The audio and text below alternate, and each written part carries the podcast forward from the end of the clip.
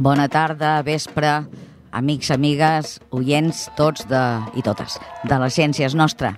Doncs som aquí una altra vegada i prepareu-vos perquè avui tenim un munt de teca impressionant. O sigui que començo, però sense més pausa. Comencem per les notícies, com sempre. Doncs bé, la primera és de la sonda espacial Juno, que en vam parlar ja fa, fa uns mesos, que continua mm, explorant Júpiter i, i les seves llunes i que ens ha enviat una fotografia de la superfície d'Europa, que és una de les llunes de, de Júpiter, impressionant. Aquesta l'heu de buscar perquè bueno, doncs, eh, val la pena veure-la perquè té molta resolució i si veu la superfície glaçada, però sembla que a sota, després de molta, molt gruixut de, de capa de, de gel, però es veu que a sota sembla ser que hi ha d'haver aigua. I bé, doncs això, si hi ha aigua, mira, podria ser apta per la vida. Eh, cap a la dècada de vinent, 2030, eh, s'espera que, que hi hagi una nau espacial que es dirà Europa Clipper, que arribarà a aquesta zona i mm, amb aquesta tindrem més dades. Però de moment doncs, tenim això. Passem a avenços mèdics, que també és un tema molt interessant. Doncs hi ha una nena eh, de 13 mesos que ha rebut un trasplantament d'intestí amb una tècnica que és la primera vegada que es fa al món. Això ha estat a l'Hospital de la Paz, a Madrid. Eh, bé, el cas és que la nena doncs, tenia un problema molt greu d'intestins i no podia... Vaja, li, li era molt perill de mort. I llavors, doncs, bueno, han fet una tècnica que quan el donant la, es, té una aturada cardíaca irreversible, llavors eh, l'extreuen els òrgans, els òrgans i d'aquesta manera eh, es pot conservar l'intestí per fer el trasplantament que abans doncs, eh, bueno, no ho feien d'aquesta manera, llavors els intestins no es podien trasplantar. Ho han fet, ha tingut èxit i de fet la nena doncs, eh, ja ha rebut l'alta i és a casa. O sigui que és una gran cosa. Una altra, aquesta a Califòrnia. Doncs uns nens que havien estat diagnosticats d'espina bífida durant l'embaràs han pogut néixer sense símptomes de la malaltia perquè els han fet abans de néixer en l'úter mateix de la mare els han fet una operació i a més han fet servir cèl·lules mare i entre una cosa i l'altra doncs eh, bueno, de moment sembla que no tenen que no han desenvolupat la malaltia. Això també és és una primícia i bé, la, us explico una mica, l'espina bífida és una malformació congènita que eh, es produeix durant la gestació, abans de néixer la criatura. Llavors, eh, es veu que els nervis, sabeu, eh, i la columna vertebral també, estan recoberts d'una capa que es diu mielina, que la protegeix i llavors eh, amb aquesta malaltia no s'acaba de, de tancar bé el... i bueno, doncs hi ha zones desprotegides i això doncs, eh, produeix normalment paràlisis bueno, i, i molts altres problemes. Eh, llavors, la intervenció, si es fa quan ja la criatura ha nascut, doncs no acaba de, de poder arreglar totes les eh, mancances que té, no?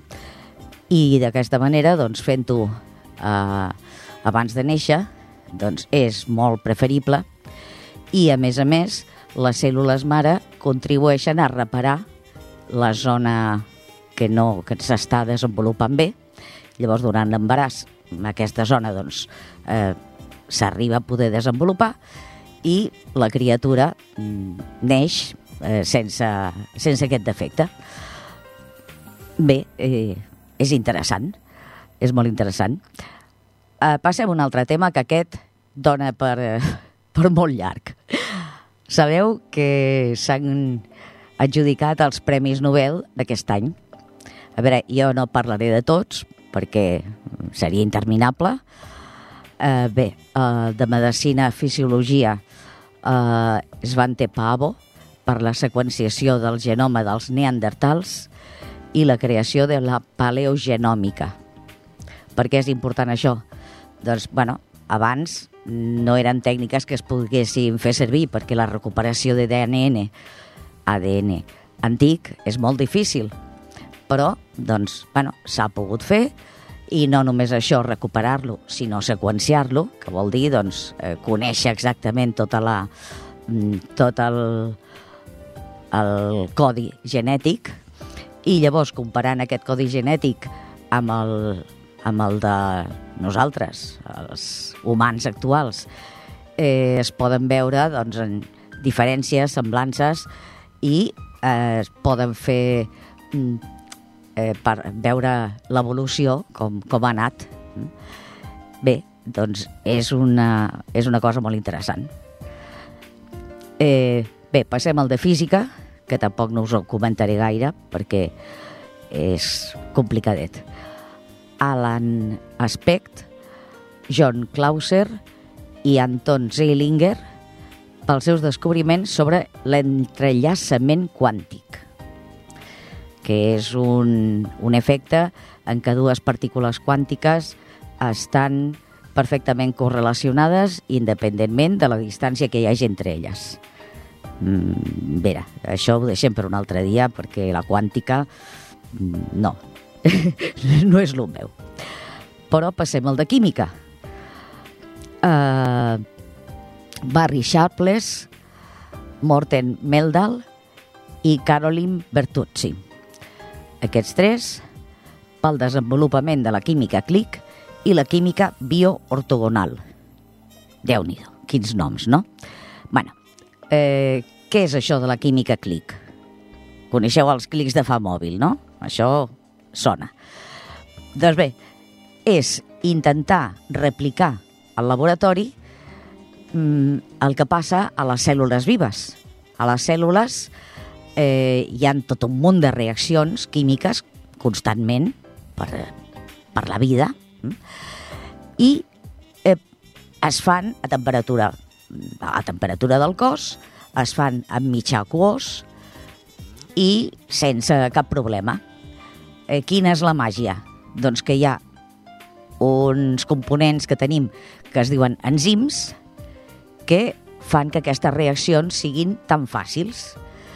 Molt bé, doncs eh, es tracta d'intentar eh, fer una cosa semblant al laboratori.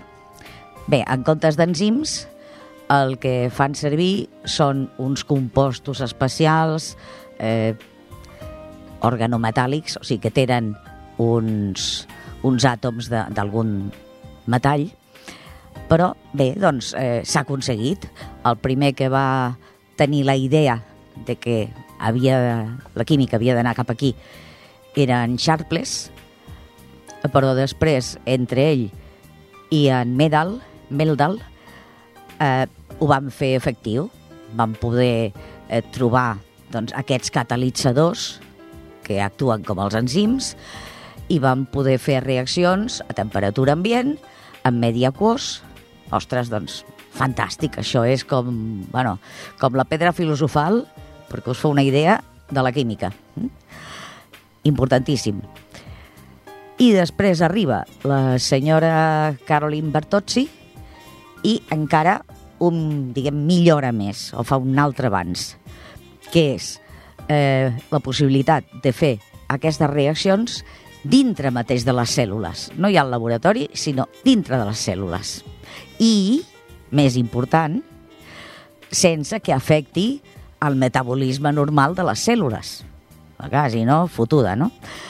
Doncs bé, ja veieu que és un tema mm, apassionant, perquè més té unes implica implicacions a la pràctica, doncs, per exemple, de poder tenir un medicament que es produeixi en el lloc on cal. Mm? no allò de prendes una pastilla, no, no, que va. Doncs eh, un medicament que mm, es sintetitzi en aquell lloc concret i actuï sobre aquella part del cos i així no hi hagi tants efectes secundaris, sigui molt més efectiu.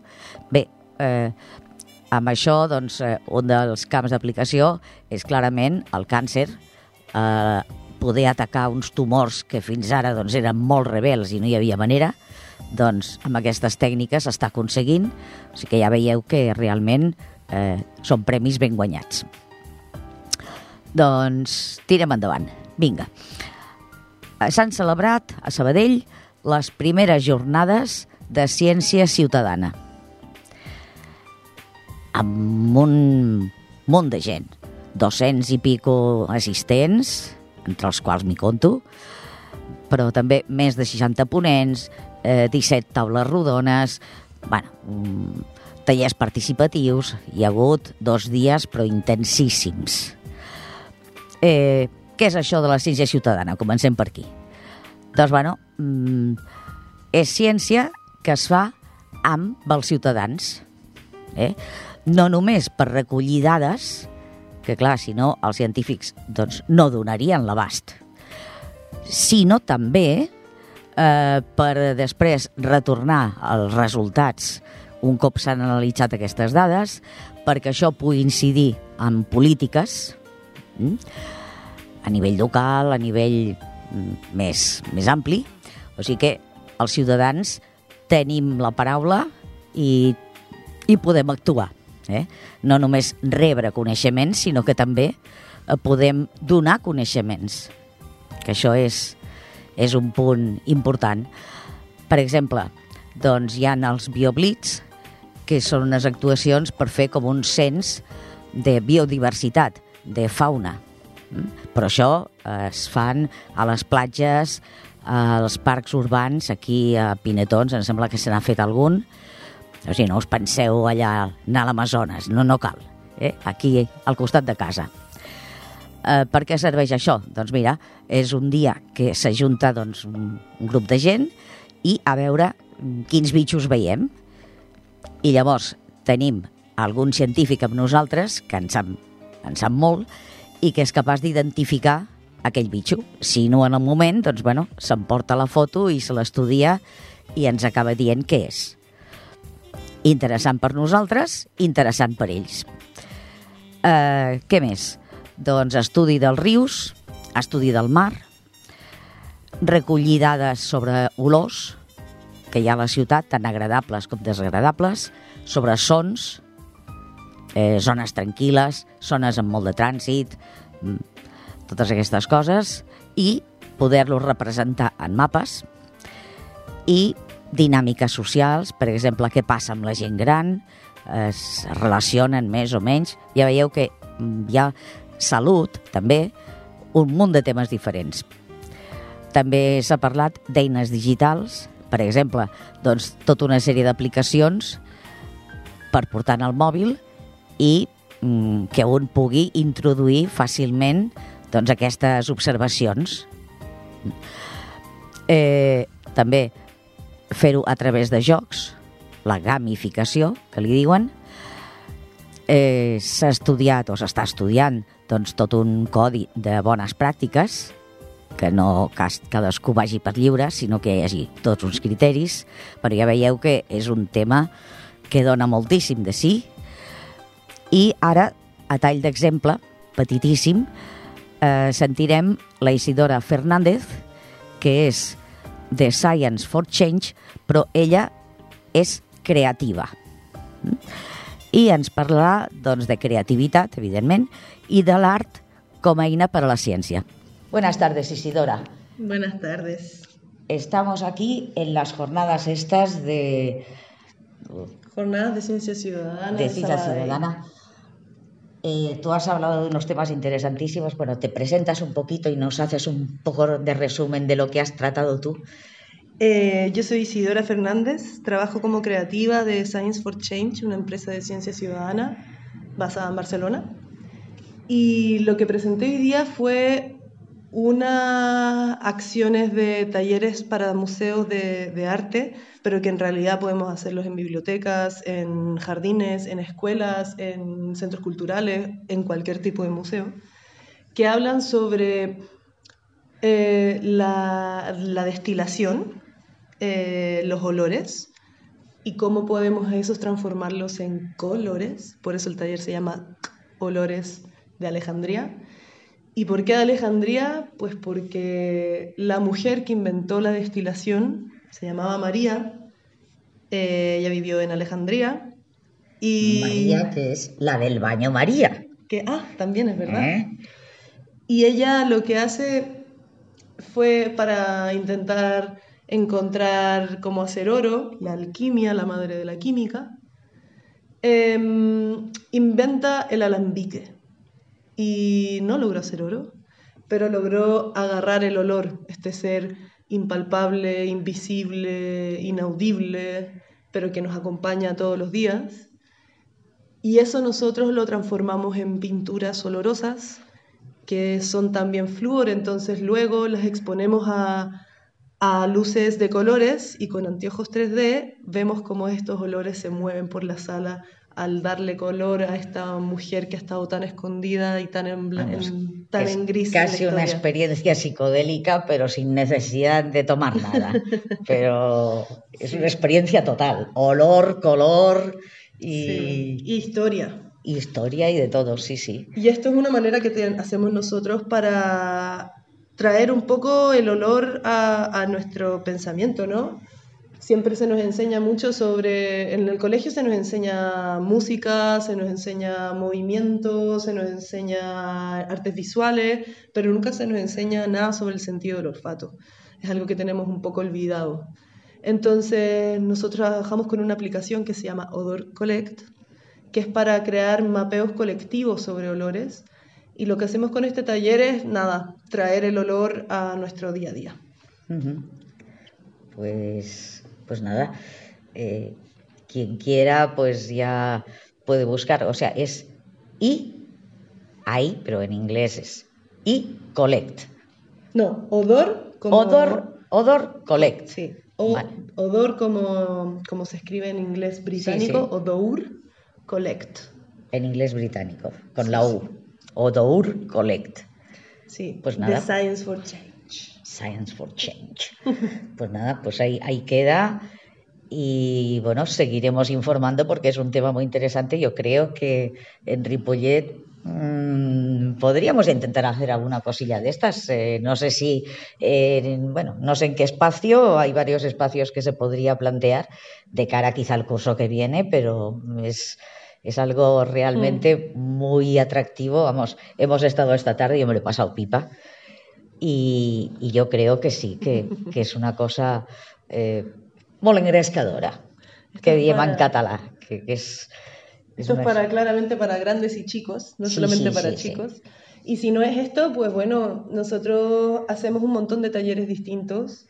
Hacemos lo que buscamos, mi trabajo en especial en Science for Change es buscar cómo el arte puede ser parte de la investigación científica, no solamente para mostrar los resultados al final, sino para generar datos con arte, para comunicar eh, conceptos complejos, para comunicar los resultados al final también, pero generar el arte como una herramienta para la ciencia que la tiene un poco abandonada, a mi uh -huh. parecer. Es que es verdad, eh, no es, no, o no debería ser STEM, o sea, eh, science, eh, technology, technology eh, engineering. ingeniería y, y matemáticas. Uh -huh. tendría que tener la A también de arte y para hacer el completo, porque es que eh, el arte, pues es que el arte y la ciencia en realidad parecen antagónicos y no lo son, son complementarios. Son ¿no? completamente hermanos, o sea, el arte depende de la ciencia en muchos sentidos, eh, técnicos, pero también de inspiración, y el arte abraza mucho la ciencia como, como fuente de inspiración pero al revés no pasa mucho. La ciencia hay veces que descarta el arte porque no, la cree, no ve el método que hay detrás de la investigación y el proceso artístico. Y, y, claro que lo hay y claro que podemos ayudar. Pero mira, hay un componente de, yo diría, artístico muchos científicos. Por ejemplo, hay un señor que, que fue el primero que se imaginó cómo debía ser la estructura del benceno. Y él decía que se había imaginado, pues, como unas serpientes que, que daban, o sea, entrelazadas entre ellas y que hacían un círculo y que iban, iban rodando, ¿no? O sea, como un uroboros, ¿eh? pero algo así. Y bueno, resultó ser una aproximación una aproximación bastante, bastante real, claro. Luego el hombre pues lo comprobó con datos experimentales y todo eso, pero la intuición, eh, bueno, la intuición es que la tiene un científico o los que descubrieron la estructura del ADN. Sí, a ver, Eh, pues es una intuición flash. Se llama creatividad. Y la creatividad no es exclusiva ni del arte ni de la ciencia. Sí, la, sí. la creatividad es de, es de ambas y es necesaria para el proceso y el desarrollo de ambas y por eso ese es mi título en mi oficina, ¿no? Yo soy la creativa de mi oficina. Porque no le pongo un límite al arte y no le pongo un límite a la ciencia. Muy bien. Y por eso también los dejo invitados a mirar todos los proyectos que, que tenemos en Science for Change, pero también los proyectos que, que se exponen cada año en una conferencia que se llama FEM Meeting, que se hace todos los años. Yo vengo llegando de ella, este año fue en Portugal. Y es una con- conferencia de mujeres o personas que se identifican como mujeres en las artes y las ciencias y fueron 95 ponencias de proyectos de mujeres en las artes y la ciencia y fue realmente inspirador. Así que los invito a revisar ahí también, donde fuimos Science for Change con dos ponencias esta vez y, y es fuente de, de pura inspiración. Vale. La dirección, por si lo queremos ver, FEM, como F-E-M. Meeting en inglés con doble E. Eh, y ahí van a encontrar FEM Meeting, Sí. escrito todo junto. en y ahí lo Instagram, encontraremos. en redes, en Pues nada. internet. Yo prometo que en cuanto llegue a casa me pongo a mirarlo porque... O sea, está la primer, el diseño de la primera galería de arte en la luna, por ejemplo. ¡Hala! Ala. Caray tú, caray tú. Así que Es invitadísimos. hay, hay maravillas, es que hay, hay cosas, vamos, que, que te dejan con la boca abierta. mm, bueno, y además lo genial es que cada uno tiene su intuición, se pone todo en común y sale algo que es más que la suma de las partes, ¿no? Que Claro. sale una cosa eh, que te deja, pues eso, con la boca abierta, ¿no? Y- y es impresionante. Oye, pues muchísimas gracias por este Nada, ratito sí. y bueno, y seguiremos, Seguiremos, seguiremos. ¿eh? seguiremos Todo porque, a activar sus narices y a poner Odor Collect en sus teléfonos. pues nada, pues aquí estamos y hasta la vista. Muchísimas Muchísimas gracias. Doncs anem ara per l'agenda. Eh, S'està celebrant un cicle sobre nanotecnologia i ètica que va començar el dia 17 d'octubre, dura fins al 28 de novembre, o sigui que encara hi som a temps. I bé, doncs eh, són diferents conferències eh, que es fan a diversos punts, biblioteques públiques de Barcelona. A la propera és Pot la tecnologia fer-nos millors humans? I això és el dilluns 7 de novembre a la quarts de 7 a la Biblioteca El Clot, Biblioteca Josep Benet. Per més informació, doncs busqueu barcelona.cat barra Barcelona Ciència i allà ho trobareu, tot això. Passem a un altre. Doncs arriba novembre, la Setmana de la Ciència. Mm? Eh, bueno, ja us n'he parlat 50.000 vegades, o sigui que ja no em repetiré, però de l'11 al 20 de novembre, amb coses abans i coses després també, mm, activitats de tota mena, virtuals, presencials, a tot arreu de Catalunya, i la informació la trobareu a setmanadelaciència.fundaciorecerca.cat. Doncs passem a Ripollet. Bé, ha tingut eh, lloc la primera sessió del taller científic familiar. Va estar molt bé. Eh, el porten unes noies que són d'una associació que es diu Luciferasses, i ara parlem amb els assistents i amb la Judit, que és la monitora que va portar el taller. Estem aquí. Tu com et dius? Nora, I quants anys tens? tinc 11. 11. I t'ha agradat això de l'slime i, i tot això de la Marie Curie? Sí, és molt interessant. Sí? A casa feu coses d'aquestes? Sí, alguna vegada, però no havia quedat molt bé l'slime. No l'havies fet, l'slime? Sí, però no havia quedat gaire bé perquè estava... Ah, que, que t'ha quedat fantàstic. Sí. Tu ets la mare de la Lora? Sí. Com et dius? Esther, Esther. I tu què et sembla? Tornareu? tornarem, tornarem. Tornareu, és molt bona tornareu. iniciativa que es facin experiments per ciència, sí? per família. Tu què en dius? Jo em dic Teo i m'encanta l'slime. T'encanta l'slime. Només l'slime o altres coses també, Bueno, Teo? també la radioactivitat. I també a casa ja vaig fer, faig experiments i el slime una vegada em va sortir molt bé. Molt bé. Tu com et dius? Guiu. Guiu. I tu què tal? T'ha agradat? Sí.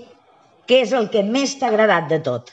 Del que hem fet avui? Sí, del que hem fet avui. L'slime. L'slime, si és que no falla, clar. Sí? Tu també? O el conte? Jo em dic Nil, m'ha agradat tot i sóc el germà de la Nora. Clar, sí, a més teniu un aire de família. I saps que tens una gota de slime verd aquí a la punta del nas? Me l'he ficada jo. Ah, vale. Així, no, no, sí. realitat és cola colorant, però... No, però, però tampoc no és cola amb colorant, perquè ja és slime, això. No és el mateix. Doncs ara parlarem amb la Judit, que és la monitora que ha portat tot això. Hola, bon dia. Jo sóc la Judit Ferrusola i formo part de Luciferasses, juntament amb la Míriam.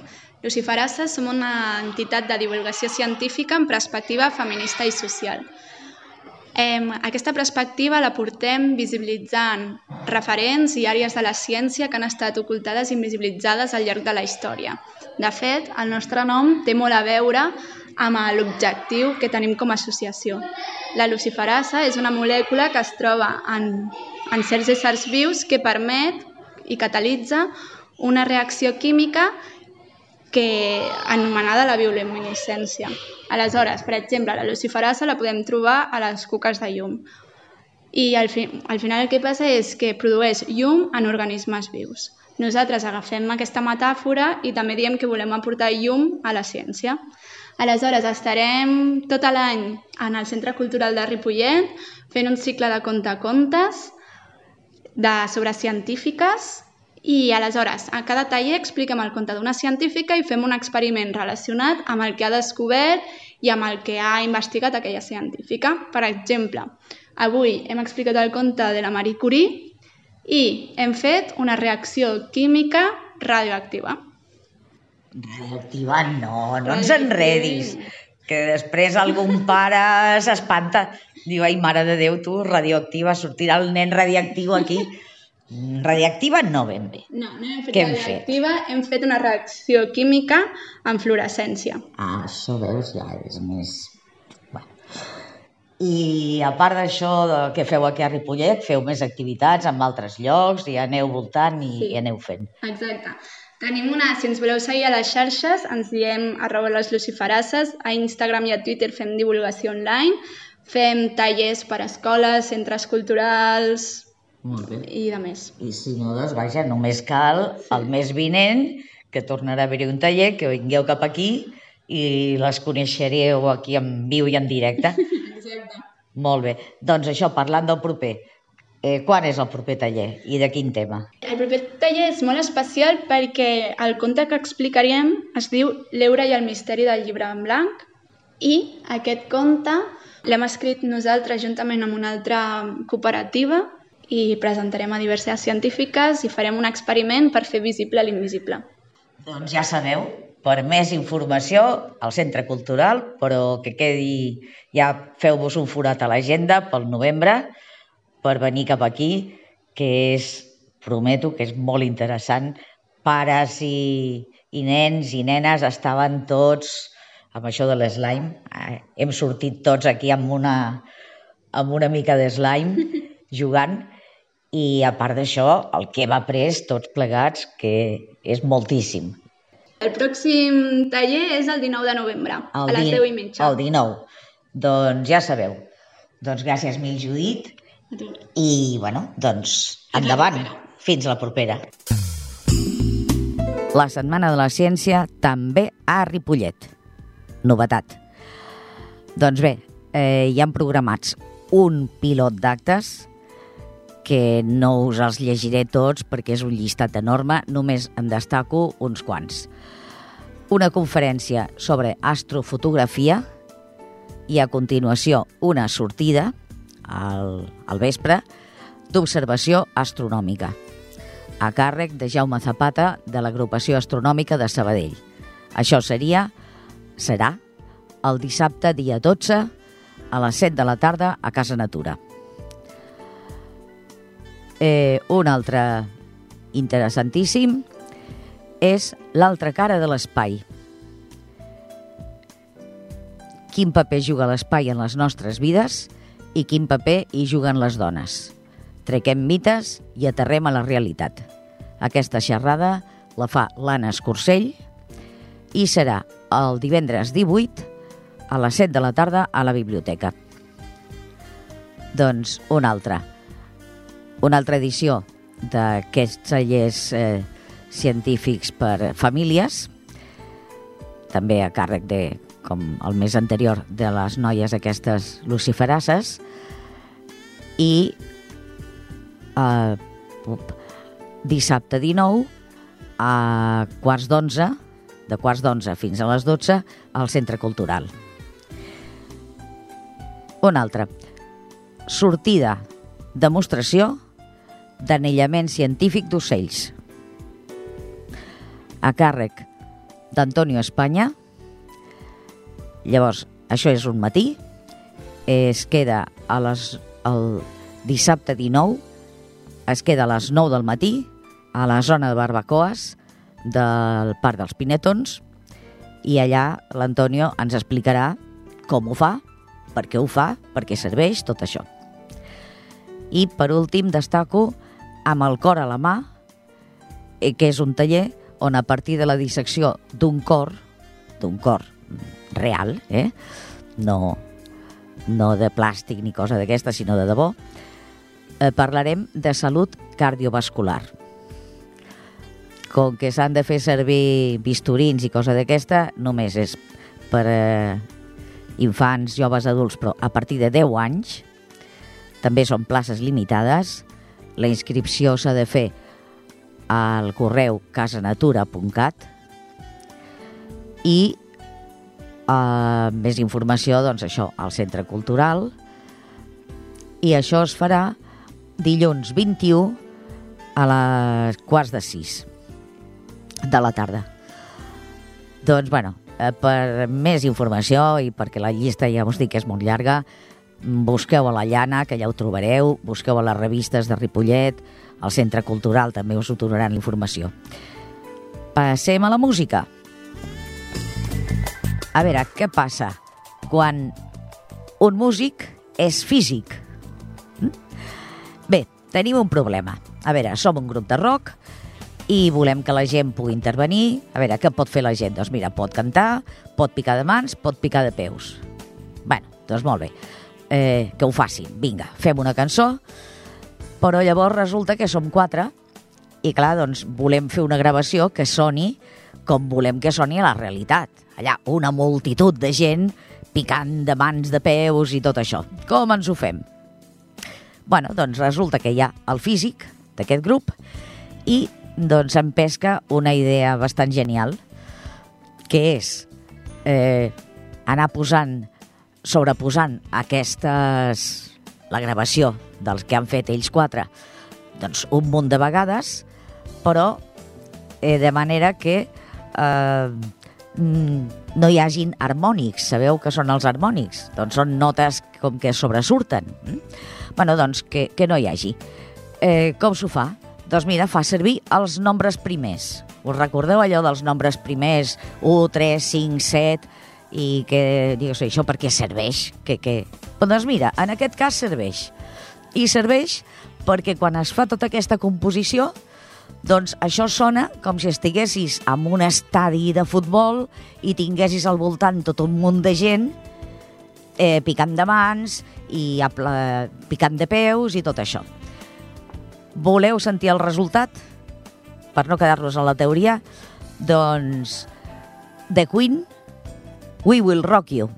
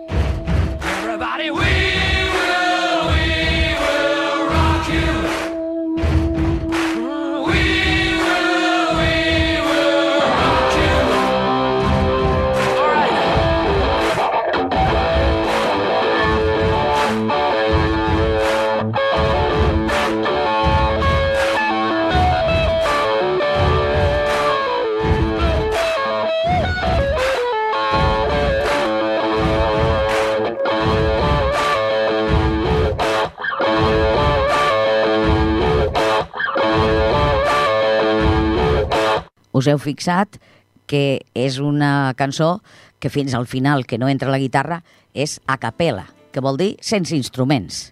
Eh? Només són ells quatre, doncs fent-ho tot. I, bueno, doncs el resultat és impressionant. Bé, tirem endavant i passem als llibres.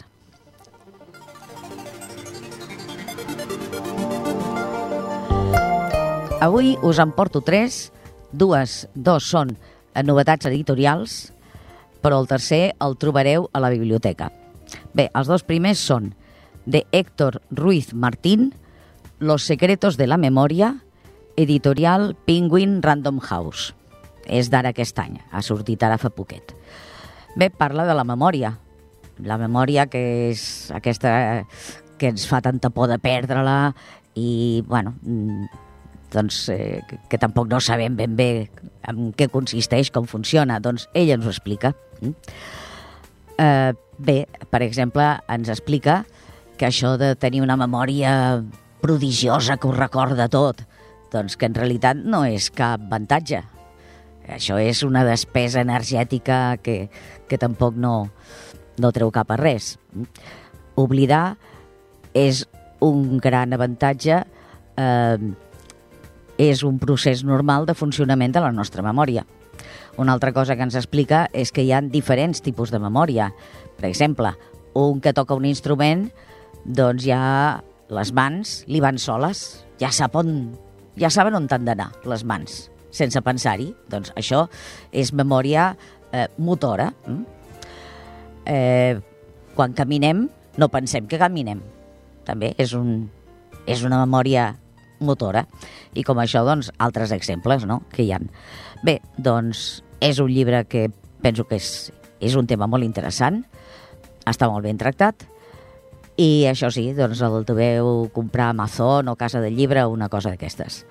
El segon llibre és un còmic, ja veieu que aquí hi ha una mica de tots colors i per tothom, per petits i grans, eh, no us penseu, de Pedro Cifuentes, Prehistoria en la península ibérica, de la sèrie Historia de España en còmic.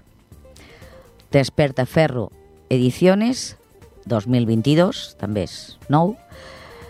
I és un llibre de gran format, és com cada pàgina fa un din A4, o, o el doble, perdó, el doble d'un din A4, o sigui, és enorme, perquè és un llibre amb una part gràfica eh, que, clar, eh, és impressionant, eh, amb una sèrie de detalls, per exemple, de reproduccions de com és Atapuerca, bueno, brutal, vaja, que s'ha de veure en format gran perquè si no ens ho perdem.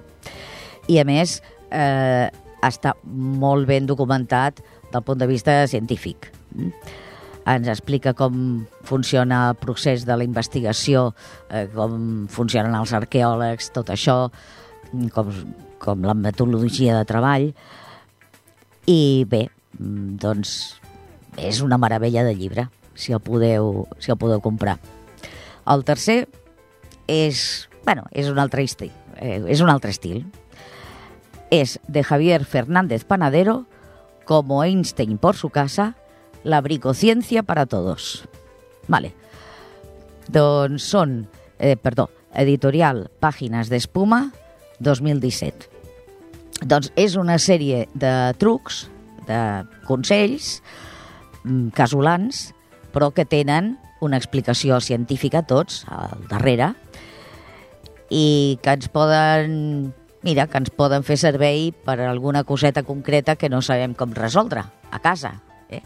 O sigui, fem ciència en plan casolà, però de fet estem també aprenent tota una sèrie de, de coses de ciència interessants. Aquest, ja us he dit, el trobareu a la biblioteca.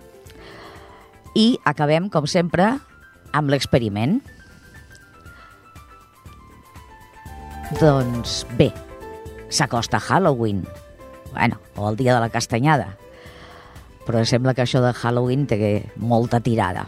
bueno, tant si és una cosa com l'altra, jo us proposo una beguda màgica que canvia de color. Mm? Misteriós.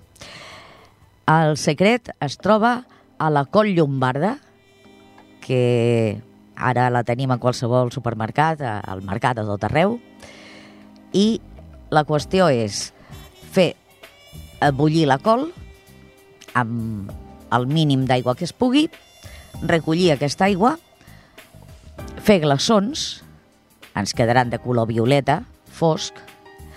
Llavors, el suc de col té la particularitat que, eh, segons l'acidesa de, del líquid on el posis, canvia de color. Amb begudes àcides, per exemple, doncs un, un refresc, li tirem aquests glaçons, una llimonada. Mm? És groga, li tirem els glaçons que són violetes i es torna el líquid de color vermell. O màgia. Mira, fa patxoca, no? Doncs bé, eh, si voleu deixar algú amb la boca oberta, és ben senzill m'afegiu i bueno, vigileu que no tingui la llimonada gaire gust de col, jugueu amb la proporció, però bueno, és, és espectacular. Una altra cosa que es pot fer amb la llombarda és tenyir, per exemple, l'arròs i que surti violeta. Mm? O posar la col aquesta amb una amanida. Tires un rajolinet de vinagre i veus que es torna vermella. Bueno, fa, és divertit, però encara hi ha una cosa més de Halloween, que són els ous amb la clara verda. Això, bueno... Doncs resulta que la clara dels ous és una mica alcalina, que és el contrari de l'àcid. I en mitjà alcalí, el suc de col es torna verd. Llavors, què fem? Doncs, bueno, abans de fregir l'ou, a la clara li tirem una miqueta de, de suc d'aquest i veurem com la clara es posa verdosa. Home, no és que sigui un verd llampant, però, però es veu, eh? Prometo que es veu perquè jo ho vaig fer. I llavors, doncs, bueno, et surt un ou fregit, un ou ferrat, amb el rovell del color normal i la clara perfectament verda. Eh, també, bueno, és bastant impressionant. Mm? Comestible, eh? Mm, dono fe que, que no té cap perill per ningú. Doncs fins aquí el programa d'avui. Ja veieu que la cosa ha estat mm, atapeïdíssima de tota informació. Torno a dir que trobareu totes aquestes coses a la pàgina d'aquí de, de la ràdio, a ripolletradio.cat, a, a les Ciències Nostra, trobareu allà el resum amb tots els enllaços que us he donat i que han anat sortint per aquí. Trobareu també la informació de l'agenda a la llana i a les revistes. I espero que tingueu molt bon novembre, que us ho passeu molt bé i que ens trobem el mes vinent. Doncs a reveure.